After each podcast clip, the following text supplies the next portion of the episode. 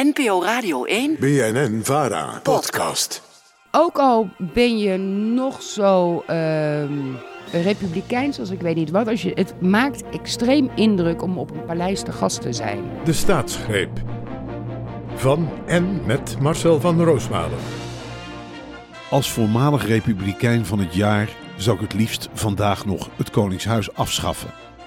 Nederland is beter af als republiek. Desnoods met mij als president. Ik denk uiteindelijk dat jij de magie van het sprookje een beetje toch mist. En dat, dat is toch ons Maar waarom?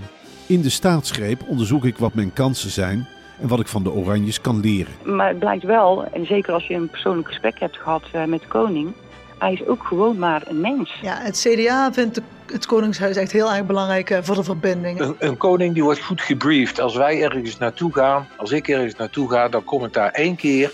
En ik moet het ook in één keer goed doen. Nou, komt-ie. Geachte leden van de Staten-Generaal. Want laten we eerlijk zijn, statistisch gezien is de kans groot dat u wel dol op ze bent. Hoera! Hoera! Hoera!